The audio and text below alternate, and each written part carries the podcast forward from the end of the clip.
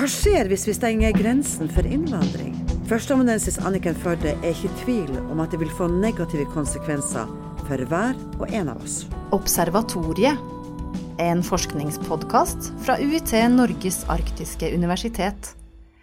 Med Geir Hevnskjell Ringvold, mannen som lurer på det meste, og Marit Anne Hauan, som bokstavelig talt lever av fortellinger.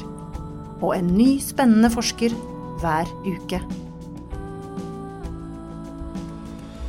Førsteamanuensis Anniken Førde, velkommen. Tusen takk.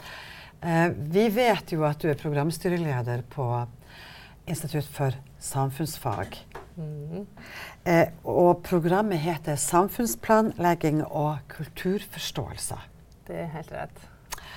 Og det eh, Og vi, eh, vi kjenner deg som en forsker på samfunnsplanlegging. Og i dag så har vi veldig lyst Anniken, å snakke om dette nye, store prosjektet som eh, du har sammen med gode kollegaer, mm. som heter 'Mangfoldige byer innovasjon i integrering'. Mm. Ha det som ramme for samtalen, selv om vi nok må få lov til å trekke inn turisme og reiseliv, fordi det er du også kjent for å ha vært en forsker på og en debattant på. Mm. Eh, integrering, innovasjon i integrering. Innovasjonsbegrepet er jo et begrep vi knytter til ny teknologi, ja. ikke sant? Mm. Til dippedutter innenfor medisin eller mm. kommunikasjon, eller for å kunne ha oversikt over hva som skjer på jordoverflata fra satellitter. Innovasjon i integrering. Mm. Hvorfor det? det? Ja, hva er det, altså? Nei, um, Jeg har jo lyst til å si mye om begge de to begrepene. Jeg har jo jobba mye med å åpne innovasjonsbegrepet for å nettopp omfatte my mye mer enn det det har gjort i den mer sånn tradisjonelle forståelsen. Altså vært opptatt av at entreprenørskap ikke er forbeholdt uh, de som driver med teknologisk utvinning, f.eks. Jeg har jobba mye med samfunnsentreprenørskap tidligere, og sånn, så det er jo også en vei inn i det her. Men jeg har lyst til å si litt om bakgrunnen for akkurat dette prosjektet, som vi på, har et sånt kortnavn for, da, som vi kaller for Citygration. Alle Citygration. Citygration, så kan man liksom sitte og lure litt. Men, uh, men, bakgrunnen var jo egentlig at når vi eh, så det som skjedde i Norge etter, altså i, 20, i 2015, eh, når vi hadde den store uh, tilstrømminga av flyktninger over Middelhavet, over Storskog. Når vi i Norge begynte å snakke om en flyktningkrise, det er jo også et begrep vi kunne snakka mye om, så så vi samtidig at det riste seg en sånn skog av nye initiativ på det som gjerne kalles for integreringsfeltet eh, i byene og på stedene våre. Av folk som gjerne ville få til å lage nye møteplasser på tvers av kulturelle forskjeller, som så det her som en mulighet for sin by, som tenkte at, at det her eh, her åpna det seg noen muligheter for noen nye dialoger, og det ble oppretta altså det tradisjonelle frivillige feltet kom med nye tiltak, og nye kunst- og kulturaktører involverte seg og laga spennende ting. Så vi har rett og slett starta et forskningsprosjekt som er en del av Forskningsrådets eh, Byforsk-satsing, eh, som da ser på de her nye møteplassene, hvor man prøver å få til interaksjon på tvers, for dermed også skape en, en altså, eh, skape, en by, skape byer hvor vi er i stand til å leve med forskjeller. Altså hvor vi er i stand til å leve sammen som forskjellige, men som likeverdige. For det er jo der utfordringa ligger. Altså Hvordan klarer vi å håndtere det her mangfoldet som den ressursen det kan være, uten at det samtidig skapes økte sosiale forskjeller. Altså, det er jo en dramatisk eh, Det, det var noen, noen, dramatiske tider dere mm. Mm. fikk inspirasjon fra. Men hva slags fag Eh, hva slags ekspertise er det i forskergruppa her på Citygration? Det er jo stedsforskere. Prosjektet er jo ledet av Marit Aure, mm. eh, som er sosiolog her i Tromsø, som jobber med stedsforskning. Og så er det jeg som også jobber med stedsforskning. Tore Nyseth som jobber med eh, demokratisering og stedsforskning. Så har vi med oss en geograf som skal jobbe med kartlegging. Altså hvor vi skal faktisk prøve å kartlegge bruk av byrom for å se Um, hvordan offentlige rom i byen som på en måte blir brukt og egnes til å tas i bruk for å skape tverrkulturelle møter. Hva slags um, rom i byen bruker eh, de nye tromsøværingene, de nye bodøværingene. Hva slags rom i byen møtes vi på tvers av ofte etablerte skillelinjer. Og så har vi med oss Tone Magnussen fra Nordlandsforskning, som også er stedsforsker, og som skal jobbe spesifikt med den nye frivilligheten i prosjektet. Og så er jo noe av det artige med dette prosjektet er jo at vi har samarbeidspartnere utenfor akademia. Vi har jo med oss kunst- og kulturaktører som aktive partnere i prosjektet. Vi samarbeider med HATS, som er Hålogaland amatørteaterselskap. Og hvorfor det? Hvorfor med HATS? Fordi at vi har et spesifikt blikk på kunst og kultur og hva det kan bidra med inn i det her å skape eh, møter og samhandling på tvers av kulturelle forskjeller. Det er noe med å utforske det der universelle språket. Så det er kjempeartig å jobbe.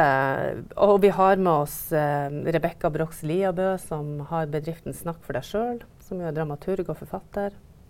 Vi har med oss eh, eh, Røde Kors, vi har med oss kommunene. Vi har med oss på en måte et, et, ganske bredt felt av partnere inn i et forskningsprosjekt som er administrativt ganske utfordrende, men som er faglig utrolig spennende å jobbe med. Mm. Men det, det, dere har jo nettopp starta opp med dette, her, mm. så det er jo et ganske ferskt og mm. nytt um, forskningsprosjekt. Vi regner jo ikke med at dere kan hagle med resultater. Men, men hva slags spørsmål stiller du til byen? Da du snakker om byrom, det, gjør du om byen til møtesteder, eller er, eller er byen en, en, en, gruppe, en geografi i seg selv? Altså for å si det sånn, da, så det vi ut, Når vi sier at vi forsker på innovasjon og integrering, så er det jo nettopp forsøkene på å lage sånne eh, rom for samhandling på tvers i byen vi utforsker. Og det kan være f.eks. låne en bodøværing som uh, Bodø Røde Kors har i Bodø, hvor du kan komme på Stormen bibliotek, og så kan du låne en bodøværing. så dit kan jeg gå og være en bodøværing, eller jeg kan gå og låne meg en bodøværing. Og så er det litt herlig med de her prosjektene, fordi at kategoriene er veldig fleksible. Så hvem som er på en måte bodøværingen, det er nå aldri helt gjett. Men ideen er jo igjen å skape den der. Så istedenfor å låne ei bok, så kan du låne deg en samtalepartner. Som kan være en ny bodøværing eller en gammel bodøværing. Eller mm. med somalisk bakgrunn eller med bakgrunn fra Gildeskål, som jeg har. eller... Og vi er på språkkafeer, og vi har vært med på og Vi er også med å initiere en del initiativer. Og det kan være som fortellerverksted, det kan være teatervirksomhet. Vi følger sånn jobbing med Forum teater, hvor man bruker teater for å løfte på en måte, eh, samfunnsforhold. da. Eh, som jo også er en måte å skape og bryte ned det som ofte gjør samtaler vanskelig. Bryte ned språklige forskjeller. Det er jo, ja. Så det er veldig, altså vi er tidlig i prosjektet, vi har kanskje ikke så mange resultat. Men vi har utrolig mye inspirasjon. Mm. det er veldig bra. Men jeg tenker på når du, når du sier dette med at uh, uh, man, man, kan låne en bodevær, leie en mm. bodøværing. Det, det fikk jeg jo plutselig lyst til å prøve, jeg også. Men det har jeg aldri gjort. Men, men at man kan få disse altså, menneskemøtene med lokalbefolkninga eh, som Sånn at man kan få kjennskap til hvordan andre oppfatter dette stedet man kommer til. Mm. Eh, når man har måttet flytte på seg og kommet dit. Men på teateret og i fortellerkvelder er det også en miks mellom mm er det, er det, den miksen mellom innvandrere og ja, Vi har nettopp avslutta et prosjekt, eller vi har ikke egentlig avslutta det, men de har hatt forestillinga si. Vi har uh, vært med og initiert og har fulgt en sånn, um, en sånn storytelling-workshop.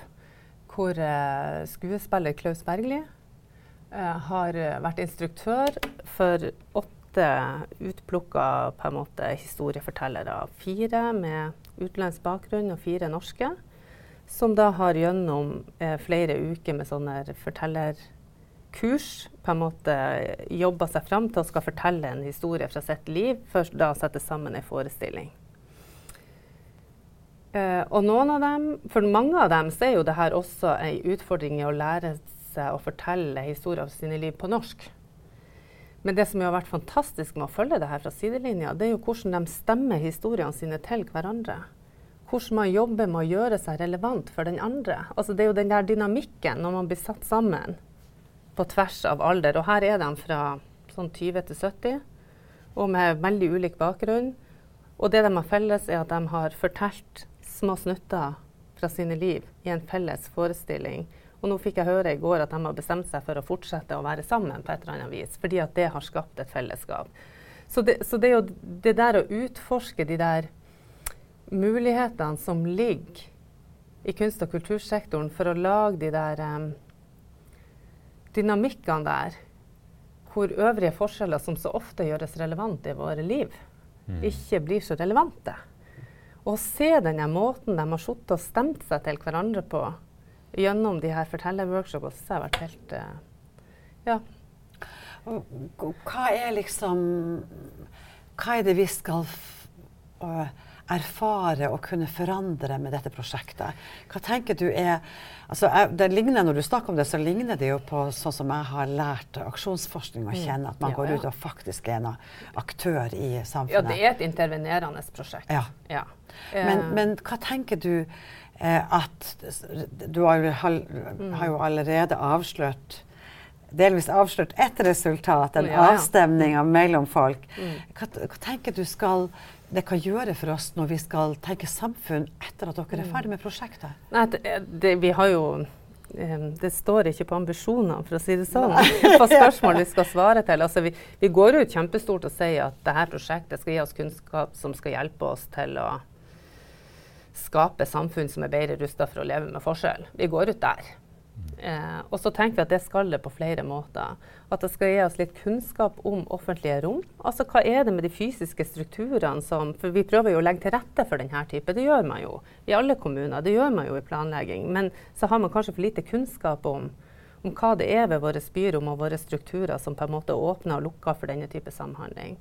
Så det er jo det ene. Og så er vi jo opptatt av eh, dynamikken i møtene. Og vi er opptatt av innovasjon i det å etablere denne type um, arenaer. Hva skal til for å klare å etablere arenaer hvor Det har man også for lite kunnskap om. Og det er, jo, det er jo der det er så artig å jobbe med de partnerne som er organisasjoner som bruker masse tid og energi på det her. For de vil jo gjerne også ha systematisert mer av den kunnskapen. For de driver jo hele tida og innoverer og improviserer. Men de eh, ønsker jo også noen samtalepartnere som kan bidra til å systematisere den kunnskapen her om hva, som, hva slags måte å organisere denne type arbeid på er det som fungerer.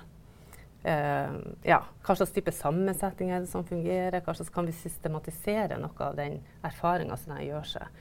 Og så tenker jeg på at der, på, på aksjonssida så er det jo også noe med det utrolig forskningspolitisk viktige i å bringe fram historiene fra de her møteplassene. Det er viktig å bringe fram historiene fra alle her arenaene som løfter fram mangfoldet som en ressurs i ei tid hvor den globale debatten, eller i hvert fall i, i våre samfunn, i stor grad eh, preges av ja, den populistiske vendinga og, og, frykt og, og grensebygging. Da. Altså hvor grensedraging igjen har fått en veldig sånn sterk plass i, i debatten om innvandring, så tenker jeg at det å løfte fram erfaringene fra de arenaene og fra byene, som jo faktisk ser mangfold velkommen I Norge nå så konkurrerer jo kommunene om å få lov å bosette flyktninger. For vi får jo ikke så mange som vi vil ha. Vi trenger dem jo. Mm. Ja, kan vi si noe om det? Mm. Altså, hvordan, hvordan vil Norge se ut i forhold til befolkning og tjenesteyting hvis vi stenger portene og, og grensene våre? Ja, det vet vi jo, på en måte. Og det er jo, nesten, det er jo ikke omstridt engang. vi vet jo at vi er avhengig av innvandring for å opprettholde befolkningstall og for å opprettholde tjenestene våre på alle nivåer, nesten. Um, og det har jo vært i nyhetsbildet den siste uka, så vi har fått en rapport om, om tilstanden i sånn befolkningsutvikling, og vi ser jo det. At innvandring er nødvendig for å, for å ha ikke bare den veksten som mange kommuner ønsker seg, men også for å sikre folketallet i både små og store kommuner i Norge. Ja, For ellers så bygger vi Norge ned.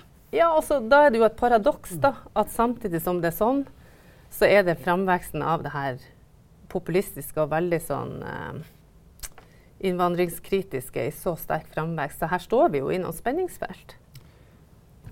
Jeg hekter meg på. Ja. For at, eh, jeg kom akkurat på at jeg ble så oppslukt i det, det du har pratet om, at jeg ikke åpna kjeften for det. Vær så god, Geir. Eh, men det går helt bra. Altså. Nå vet jeg i hvert fall litt mer om hva samfunnsplanlegging er for noe. Eh, for det er det vi har snakka om nå, sant? Ja, det er i hvert fall en del av samfunnsplanlegging. Samfunnsplanlegging er jo et kjempevidt fagfelt, selvfølgelig. For samfunnet er jo et vidt felt. Jo da, det er jo det. Men at man har en, eh, til en viss grad en evne til å påvirke, annet enn å peke på et kart at uh, her, folkens, her skal uh, somalierne bo. Her er uh, Afghanistan-gettoen. Det er ikke det det går i. Det er rett og slett eh, eh, på, på tvers av alt finne de stedene der hvor folk kan møtes, uavhengig av hvor man har tilhørighet. og eh, Hvis jeg har forstått det rett. Ja, I dette forskningsprosjektet Ja. så er det det vi ser på. Mm. Det planleggerne skal, altså det man skal innenfor samfunnsplanlegging For meg så går det her veldig sånn hand i hand. fordi at eh, jeg underviser jo i samfunnsplanlegging. Jeg utdanner jo samfunnsplanleggere. Så når du sier hva skal det bidra med i den andre enden, så tenker jeg at den forskninga vi gjør, som jo gjøres relevant i vår undervisning, er jo, med, er jo kunnskap som også nye samfunnsplanleggere skal ta med seg. Og det blir jo eh, å være eh, en veldig viktig del, tenker jeg, av samfunnet i fremtida. For at, eh, vi har allerede snakket om at det blir ikke mindre av det. Nei, det er egentlig bare å finne den beste måten å håndtere situasjonen på. Ja. Eh, Altså, men- vi bor i en del av verden med en aldrende befolkning. Mens rundt den sonen som vi nå prøver å sette grenser rundt, så har man en veldig ung befolkning. Så det er klart det blir ikke mindre av det. nei. Nei. Men- det blir ikke mindre migrasjon i årene som kommer. I tiårene som kommer. Ja, og jeg vet ikke om eh, folk rundt om i verden vil, eh, vil eh, betrakte nordmenn som særlig gjestfri egentlig i utgangspunktet. Men vi liker kanskje å tro det at når det kommer folk eh, og banker på døra vår, så skal vi ta godt imot dem. Men hvor er den brytninga mellom hva som er en gjest, og hva som er et liksom, uønska fremmedelement? Kan jeg få fortelle en historie? Ja. Fra feltarbeidet jeg nettopp gjorde i Bodø. Fra å låne en bodøværing. Så sitter jeg og snakker med tre unge gutter fra Afghanistan, Somalia og Etiopia. Som har bodd tre år i Norge. De har lært seg å snakke norsk. De snakker godt norsk. Men den eneste plassen de snakker norsk med folk, det er på Lånet bodøværing. Det er jo en hjerteskjærende historie. Men så forteller han ene historien om busstoppen. Den har vi diskutert mye. En av de første plassene de treffer folk, de her, det er jo på busstoppen. Og der hilser de på folk, for det er vanlig mange plasser. Og så opplever de at folk blir, tar så avstand og blir så redde. Eh, en hadde til og med opplevd at han hilste på noen, og da, og da lot den han hilste på, være å ta bussen. Altså ble så ubekvem med liksom, møtet med den hilsinga at da gikk han bare. Ja, han sto og venta på bussen, men da gikk liksom han bare. Er det liksom håndristing og klem, eller sånn, eller er det bare hei? Nei, det er bare litt sånn kontaktsøkende, Ja. at man begynner å prate litt. Og det gjør man ikke på busstoppen i Norge. Nei, nei, nei. Det, Man gjør ikke det. Nei, det. gjør du ikke. Og da blir det for de her guttene så ble busstoppen på en måte symbolet på Norge, på en måte. Altså jeg kan ikke hilse på folk, for det får folk helt panikk av. Så det må jeg jo bare la være. Og vi har mange sånne historier, vi som har jobba med internasjonalisering av det der, det der møtet med den avvisinga i situasjoner hvor de er vant til at Så det er klart at, at det er noen sånne kulturelle forskjeller som er veldig utfordrende. Eh, og hvis busstoppen blir symbolet på Norge, så kan man godt tenke seg hvor tøft det er å få seg norske venner. Eh, og de ungdommene som vi har fulgt gjennom ulike tiltak her i Tromsø, sier jo også det samme, at det er veldig veldig vanskelig å få seg norske venner. Og spesielt hvis et av kriteriene eh, mange setter, er at de skal lære seg språket. Og som du sier, det, det lærer man kanskje ikke på asylmottaket. Nei, men selv de her som hadde lært seg språket, hadde på en måte ikke en arena for Ja. hvis, ja. Ikke sant? Men det, det her ehm, med språk blir så viktig. Nå, nå tar du det opp fordi at de har lært seg språk, og likevel så tar vi dem ikke vel imot. ikke sant? Eh, men for det første vil jeg si at, at den måten du forteller oss og forklarer oss på forskningsprosjektet, så gjør du også innovasjonsbegrepet til et ømt og ikke et stålklart. Det er veldig ømt. Og begrepet er også et veldig ømt begrep. og vanskelig begrep. Ja, ja. Og alle har en mening om det. Ja. Og så er det er, Når vi snakker om integrering og vi snakker om innvandrere, er vi ute med en språkbruk som hindrer åh, det tredje ekle ordet inkludering. er det, må vi gjøre noe med hvordan vi snakker? Jobber dere med det feltet? Ja, vi jobber mye med det. Og vi, eh, ja, vi jobber veldig mye med det. Eh, og vi har jo i dette feltet, i dette prosjektet vært veldig tydelige på at, har, at eh, integrering er ikke noe vi går ut og kan måle. Er- integrering er ikke gitt. Det er ikke en gitt størrelse. Altså Som vi har diskutert eh, mange ganger, altså hvem skal integreres av hvem til hva? Bare, bare hvis man stiller de spørsmålene, så blir det jo veldig problematisk. Ehm, fordi at da blir det fort i retning assimilering. Sant? Altså det, den grensegangen der er veldig La alle bli en god nordmann. Ja. Ja, altså den grensegangen der er, er vanskelig, og man skal trå litt forsiktig. Samtidig som i mer denne inkluderingstanken, så er det jo et sånn omforent eh, ønske om at vi skal klare å skape arenaer eh, som er inkluderende. Altså vi, vi ønsker jo å ha inkluderende byer. Mm. Nye vi. Ja, det nye vi. og da tenker jeg at vi må, vi må rett og slett jobbe med eh, hvordan vi skaper de arenaene for den inkluderinga som skal være nødvendig for at vi kan si at vi er en inkluderende by, og at vi har de strategiene vi trenger for å kunne ruste oss til å leve med forskjeller på et skikkelig vis. Men hva er det, hva er det på en måte, hvordan starter man der, da? Som, eh, hvis du skal rådgi da, som samfunnsplanlegger, Mm. er det liksom å sette opp skilt på busstoppet hvor det sier 'si hei' når andre sier hei til deg?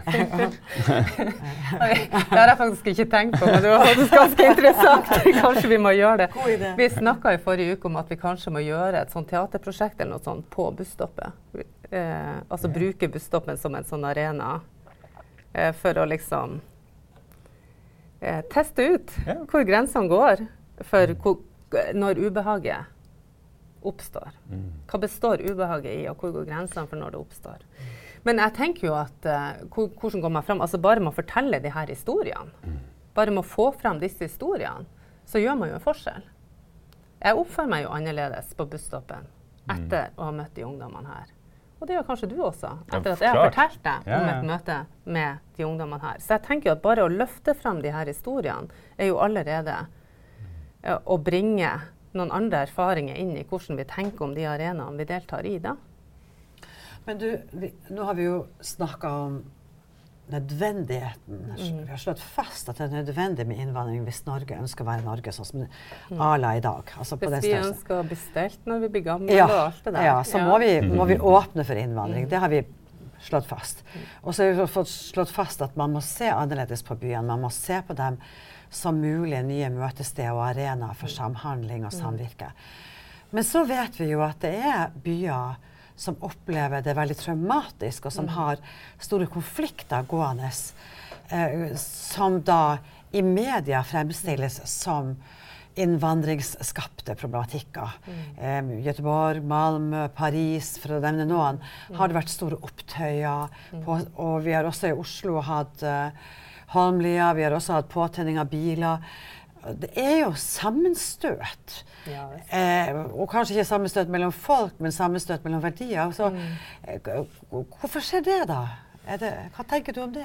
Altså, det tenker jeg egentlig går litt til kjerna for utgangspunktet for dette prosjektet. Altså, hvordan kan vi leve sammen som forskjellige, men likeverdige? Og hvis vi ikke får til det, så får man jo veldig mye av denne type konfrontasjon. Altså Hvis man bygger opp parallellsamfunn, hvis den sosiale ulikheten øker, ja, så får man konflikter. Man trenger ikke innvandring for det. Altså Sosiale forskjeller fører til økt, økt konfliktnivå. Og det som har skjedd veldig mange steder med økt innvandring, er jo at man også har fått økte sosiale forskjeller.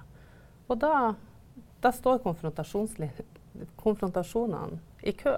Så det er jo nettopp med det der hvordan klarer vi å ruste oss for å være mer mangfoldige med alt det gode det kan ha med seg. For, fordi det er noen type erfaringer fra eh, mange kulturelle byer, for å si det sånn. Men en annen type erfaring som vi jo snakker altfor lite om gjennom dagens mediedebatt, det er jo det at eh, de mest mangfoldige byene er jo også de som av unge i dag regnes som de mest attraktive byene. Ikke sant? Altså at, at et økt mangfold også gjør en by mer entreprenøriell, ofte mer innovativ. Altså det, et det det? mulighetsrommet der. Ja, um, vi var i dette prosjektet, så starta vi ut med å være eh, på en konferanse i Rotterdam, som jo er en av de her byene som kalles for sånn hyperdiversifiserte. Det vil si, det er ganske mange byer i Europa hvor over 50% av befolkninga har innvandrerbakgrunn. Og så har man i mange av de her landene fått denne framveksten av en veldig sånn populistisk nasjonal politikk. Mens byene egentlig har en veldig annen tilnærming. De ser at de er bygd en mye mer attraktiv by. Ikke uten utfordringer, men at det også har det der enorme potensialet i seg. Og, og hvis man klarer å, å spille kortene sine rett, eh, det her økte mangfoldet. Sånn at eh, byene har en mye mer pragmatisk holdning og en mye mer sånn mulighetsretta holdning til mangfold, og ser på en måte de, den økte verdien som kommer med større mangfold i byen. Og Rotterdam regnes jo nå som blant de unge som den hippe, kule byen i Nederland. Sant? Og det var den jo virkelig ikke før. Nei, det var en noen tiår tilbake. ja, ja, sant, En fæle grå havneby. Mens nå er det liksom den kule, mangfoldige byen. Så det er klart at, at det er noen det er jo noen utviklingstrekk som går parallelt her, mens vi hører alltid bare om den ene. Så jeg tenker jo at bare det å løfte stemmen, stemmene fra de her byene som sitter med noen andre erfaringer, som ikke bare er påtente biler, det er liksom en veldig liten del av historien. Altså, det er jo uh, Men det er jo også en del av historien, og vi skal håndtere det. Ja, vi skal håndtere Det det. er det mange frykter. da. Ja. Den der eh, gjengrekruttering før integrering. Så hvis man hilser på busstoppet, så kanskje man slutter å, å ha den frykta, fordi at da er det han Mohammed han ligner på nabogutten din når det kommer til interesser og gleder og sorger i livet. ikke sant? Man blir kjent med dem. Men vi- snakker jo eh, kanskje om Bærekraftbegrepet er jo et begrep vi bruker også om samfunns, samfunnene. Er de bærekraftige? Er Norge bærekraftig med den befolkninga vi har i dag? ikke sant, for eksempel? Du har jo jobba også med det bærekraftbegrepet i forbindelse med reiseliv og turisme også. Men eh, kan bærekraftsbegrepet begrunne innvandring? Det å ha et bærekraftig nasjon eller sted? Ja, altså, jeg tenker at um, Bærekraftsbegrepet kan både begrunne og det forårsaker og det Altså, det ligger i alle, alle ender av forklaringa på migrasjon, for å si det sånn. For det første så kommer vi til å få økt migrasjon pga. klimaendringer. Det vet vi jo. Ikke sant? Ja. Eh, Så, så det henger sammen på så utrolig mange vis. Og så skal vi være bærekraftige samfunn, så må vi også være rettferdige samfunn. Vi må være gode sosiale samfunn. Sånn at, så det der hvordan vi håndterer migrasjon og mangfold, er en veldig sentral bit av bærekraftig, eh, ei bærekraftig framtid for våre byer og småsteder. Men kan vi både være ansvarlige og demokratiske og åpen og være grønn? Får vi det til? Ja, det var nå ikke de vanskeligste motsetningene jeg har hørt. OK, forklar det. Bra. Der tror jeg faktisk jeg vil si ja. Og vi går videre.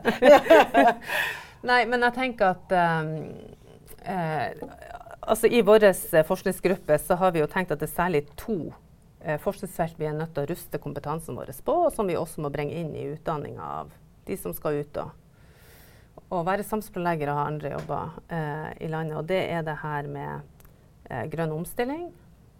Altså lavutslippssamfunnet. Hvordan vi kan planlegge oss ut av avhengighet av det fossile. Eh, og så er det det her med det, den sosiale bærekrafta, som jo det her Citigration-prosjektet jobber mye med. Men jeg tenker at det er jo mange utfordringer. Det er mange ting vi har vanskelig for å få til samtidig. Og når du, du snakker om reiseliv, altså der står man jo i noen åpenbare sånne eh, konfronterende ønsker. Fordi at det er ei voksende næring. I nord tenker vi på reiselivet som en av de nye motorene som kanskje skal ta litt over når vi skal gjøre oss mindre avhengig av olja. Så er reiselivsnæringa noe som nesten alle kommuner løfter fram som ei vekstnæring. Og reiselivet i nord har jo vokst eventyrlig de siste årene. Eh, Det er jo kurver som jo nesten har overheng, sant? så, så, så, og det er klart at kan man snakke om et bærekraftig reiseliv, Altså, nei, det kan man selvfølgelig ikke. For det mest bærekraftige var jo at vi slutta å reise. på en måte. Men sånn ser ikke verden ut. Så reiselivet vil være i vekst. Så må vi nok diskutere om det finnes noen grenser og tålegrenser. Eh, på mange måter, både sosialt og miljømessig. Eh, så er det jo, altså I Lofoten har man jo begynt å diskutere det her på ordentlig. fordi at der kjenner man jo at tålegrensene noen steder i hvert fall er litt sånn på smertepunktet. Og man har begynt å diskutere det i byene i forbindelse med sant, boligmarkedene som utfordres av den enorme veksten av Airbnb, som presser andre folk ut av byen. Altså, du har jo alle her tingene. Opprørene i Barcelona. Folk som vil ha bydelene sine tilbake. Som ikke orker de her eh, festende fotballguttene fra Nord-Europa som eh, Mm. ja, overtar byrommene. Så, så det er jo mange utfordringer eh, når vi skal snakke om et ansvarlig reiseliv. Men vi har begynt å snakke om et ansvarlig reiseliv, og det er jo veldig håpefullt. Eh, fordi at den eneste måten vi kan gå i inngrep med de her utfordringene, det er jo med å kjenner dem og tørre å gå inn i dem. Og tenke at her har vi Altså, reiseliv ut, representerer en fantastisk mulighet i tida framover for samfunnet i nord. Altså økonomisk og på mange måter. Og det, inn, og det innebærer noen helt åpenbare utfordringer. Hvorav den største kanskje går på at økt reiseliv alltid fører med seg større utslipp. Fordi at de kommer jo gjerne hit med skip eller fly eller Så allerede Ja, der det, det er jo bare de to. Nei, og så er det alle de her som er på stedet, altså som går på at eh, at byene ikke har boliger igjen for studenter eller andre som vil bo der. At eh, alle kirkegårdene har fått sånn her plakat med 'no camping'. Og altså, alle de her pressene som altså, Vi vet jo det, for vi leser jo om det i avisene nesten daglig, i hvert fall i sesong. Altså, bortsett fra den økonomiske, den pekuniære sida med turismen, Mm. har den noen andre positive sider? Ja, jeg tenker jo det. Altså, nå har vi jo snakka mye om mangfold. Ja, ja. Altså, vi er jo også reisende i verden. Sant? Um, det er vi alle. Vi er jo alle turister i livet. Eh, og det er jo som reisende i verden at vi også ofte stiller oss åpne for å lære nye ting. Så jeg tenker For oss som er opptatt av kunnskapsproduksjon og formidling, så er jo reiseliv veldig interessant. For eh, altså, min, met- min inngang inn i å, i å, å forske på reiseliv har jo vært som stedsforsker. Fordi at i reiselivsutvikling så blir stedet og stedets kvaliteter og de brytingene, de konfrontasjonene, de møtene og de sammenstøtene som de her stedene bærer med seg, veldig eksplisitt ofte. Bare tenk på at når man skal markedsføre et sted. Eh, så, så sitter vi og har disse, ja, nå skal vi markedsføre Tromsø, vi tre skal lage en kampanje for det. Da må vi virkelig sitte og diskutere ja, hva er den byen her, da? Hva er kvalitetene våre? Hva er sant? Så du får den veldig eksplisitte diskusjonen av stedlige kvaliteter, som i seg sjøl er en god ting. Og så får du møte med den andre. Og møtet med den andre har alltid en mulighet i seg for å dele historier. Og jeg tror virkelig sterkt på, på de mulige positive effektene av at man deler historier. Det er garantert ikke det siste vi hører til og Anniken. det er å si. Vi må er dessverre bra, takke av. Du er flink å, å prate og flink å få meg til å forstå litt eh, mer om eh, fagfeltet ditt. Tusen Takk takk, det. Anniken. Det har vært en spennende samtale. Og jeg tenker at eh, vi kan gå inn i vårt eget samfunn med nye inspirasjoner nå. Takk for at du hørte på oss i dag. Vil du lese om forskninga til Anniken, kan du gå inn på nettsida uit.no 50 eller Facebook-sida Observatoriet podkast. Du kan også abonnere på podkasten via Soundcloud, iTunes eller andre podkastapper. Vi høres i neste sending.